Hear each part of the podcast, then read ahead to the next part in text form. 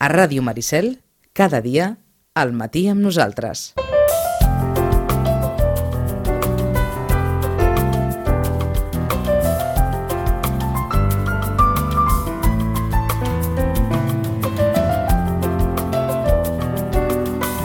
I ens ho deixàvem clar, bé un trimestre d'aquells intensos pels estudiants. Quan la Setmana Santa ve d'hora, queda un trimestre així molt, molt, pf, molt poca cosa i el darrer trimestre és un darrer trimestre d'aquell de posar colzes a les taules i de- i d'estudiar. De, Marta, bon dia i bona hora. Bon dia. Son Soles, bon dia i bona hora. Bon dia. Per on comencem? Per l'agenda? Per l'agenda?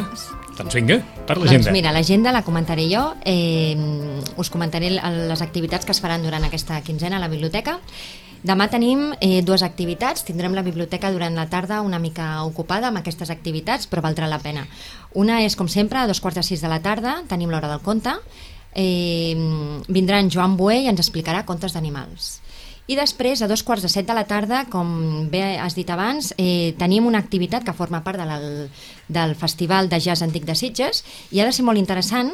El seu títol és La història del jazz, ho fa en Pau Fuster, i aquest, eh, aquest noi és cantant i director del programa de Ganes de Jazz de la ràdio RSK i ens farà un recorregut per la història del jazz des dels seus inicis fins als nostres dies, tot escoltant els temes més representatius. Mm -hmm. I llavors serà a través de la música que aprendrem la importància capdalt d'una música que ha marcat la cultura occidental. O sigui que eh, convido a tots els que hi vulguin venir a la biblioteca perquè ha de ser molt interessant aquesta, O sigui que els qui, aquesta xerrada. els qui més o menys hagin escoltat jazz i Sí, diguin, mira, sí. vull saber més coses, demà a Que partir de dos quarts de sí, set, eh? Sí, sí, perfecte. I després tenim el dia 13 d'abril, eh, com cada mes, l'Helena Cejas ens fa eh, la seva xerrada literària. El mes passat es deia El nostre veí escriptor, que parlava de Shakespeare, i aquest any, aquest mes, perdó, serà El meu veí escriptor. I aquesta vegada dedica la seva xerrada a parlar de Miguel de Cervantes, perquè tant de Shakespeare com de Cervantes, aquest any 2016 se celebra eh, els 400 anys de la seva mort. Aquest, el Miguel de Cervantes dona casualitat que va morir el dia 22 d'abril de 1716 i Shakespeare el dia 23 d'abril.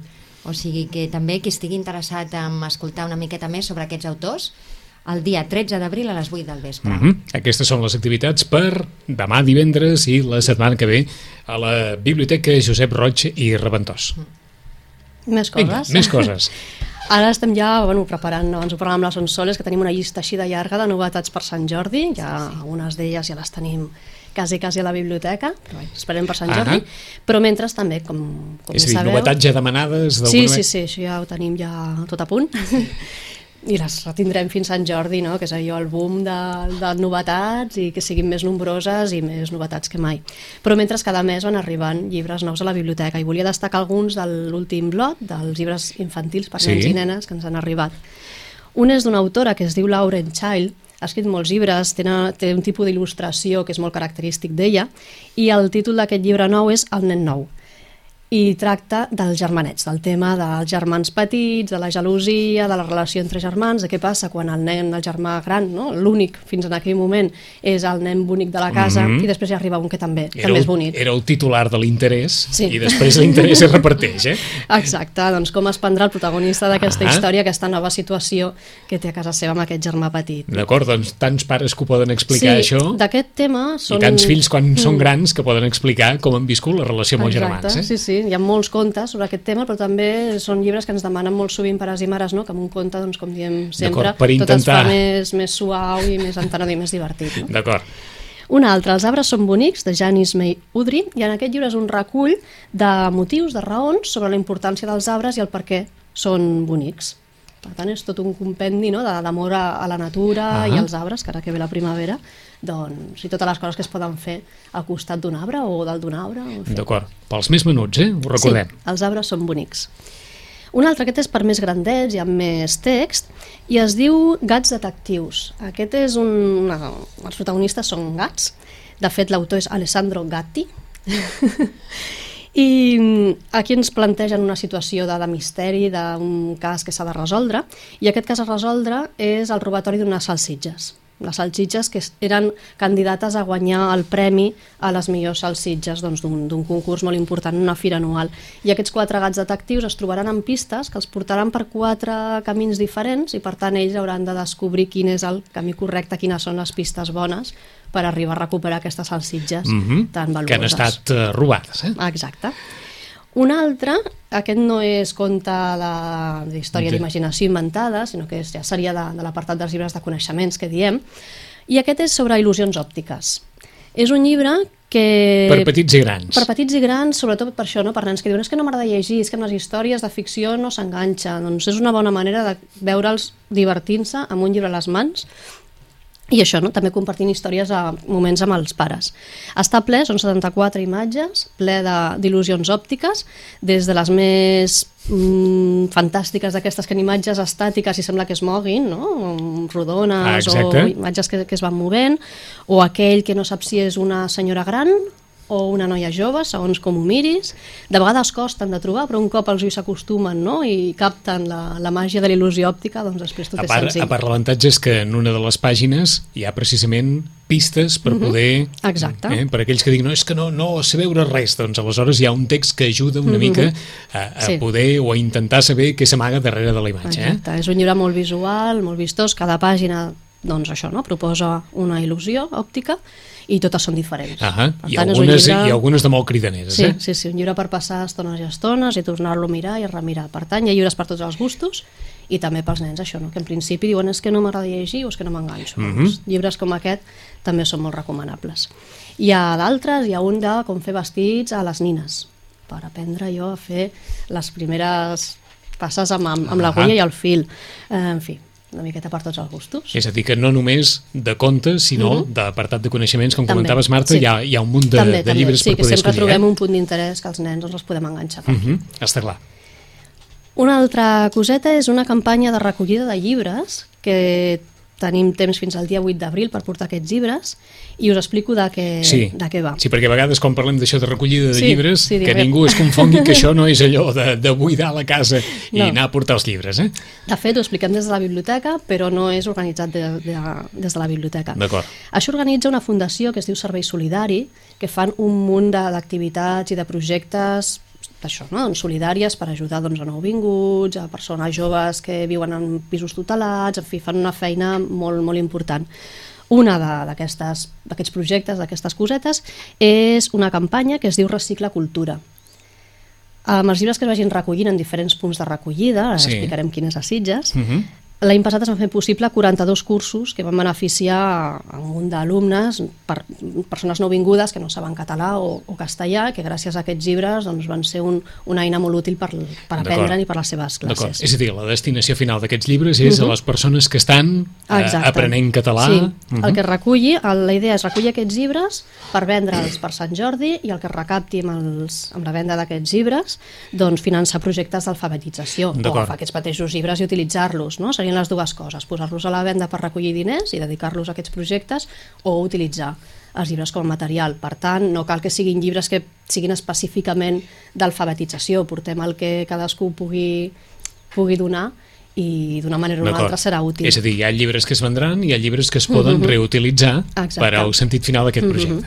A Sitges, el punt de recollida d'aquesta campanya Recicla Cultura és l'Escola Pia de Sitges. Per tant, tothom que vulgui portar algun llibre, doncs a, a l'Escola Pia ens donen informació de quins horaris i, i com es pot fer. Que quedi clar que en principi, Marta, allò que dèiem, eh? Uh mhm. -huh. llibres no Sí, no, no biblioteques senceres. No biblioteques no, senceres, no col·lapsem, eh? tampoc no col·lapsem tampoc, eh? Perquè aleshores allò de dir, mira, ara aprofitem la, la vinentesa. Sí, no, pensem no. això, que és una campanya que es fa a molts llocs, a cada municipi té els seus punts de recollida, per sí, tant es recolliran molts, que, molts exacte, llibres. Exacte, sí, que si un té mm. tres llibres, quatre llibres, mitja dotzena de llibres, i ens aturem aquí, mm -hmm. no fem, no fem la, la guardiola ah, més exacte, gran, eh? sí, sí, sí. Perquè hi ha moltes persones que poden tenir, evidentment, llibres per, per mm, no, poder clar, accedir a aquesta campanya. Mínimament en bon estat, pensem que són per vendre, per tant han de ser que es conservin mínimament que es conserva, eh? no? que donin ganes de comprar-lo encara que sigui per aquesta causa entesos, solidària. Entesos. Doncs a l'Escola Pia trobaran aquest punt de recollida de la campanya que es titula Recicla Cultura. Recicla Cultura. Organitzat pel Servei Solidari i amb el recolzament de la Diputació de Barcelona, que per això doncs, les biblioteques també ah, fan difusió. Està clar. Què més? Eh, els audiollibres.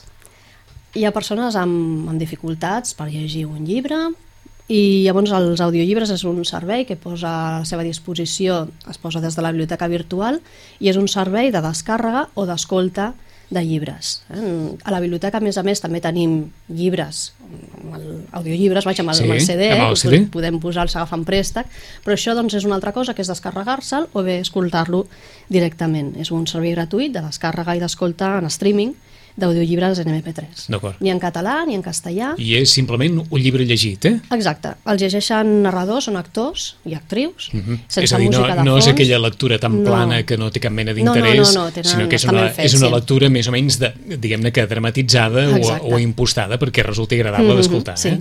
Són gravacions una sola veu, sense música de fons, per tant, Ahà. podem estar seguir molt bé la, la història. Sí. El catàleg de, de bueno, les possibles tries està format per obres clàssiques, també actuals, en català, en castellà, hi ha també per nens, hi ha contes infantils, i van anar agrupades per categories. Per entrar-hi cal anar a la biblioteca Sí. virtual, que recordem és bibliotecavirtual.diva.cat.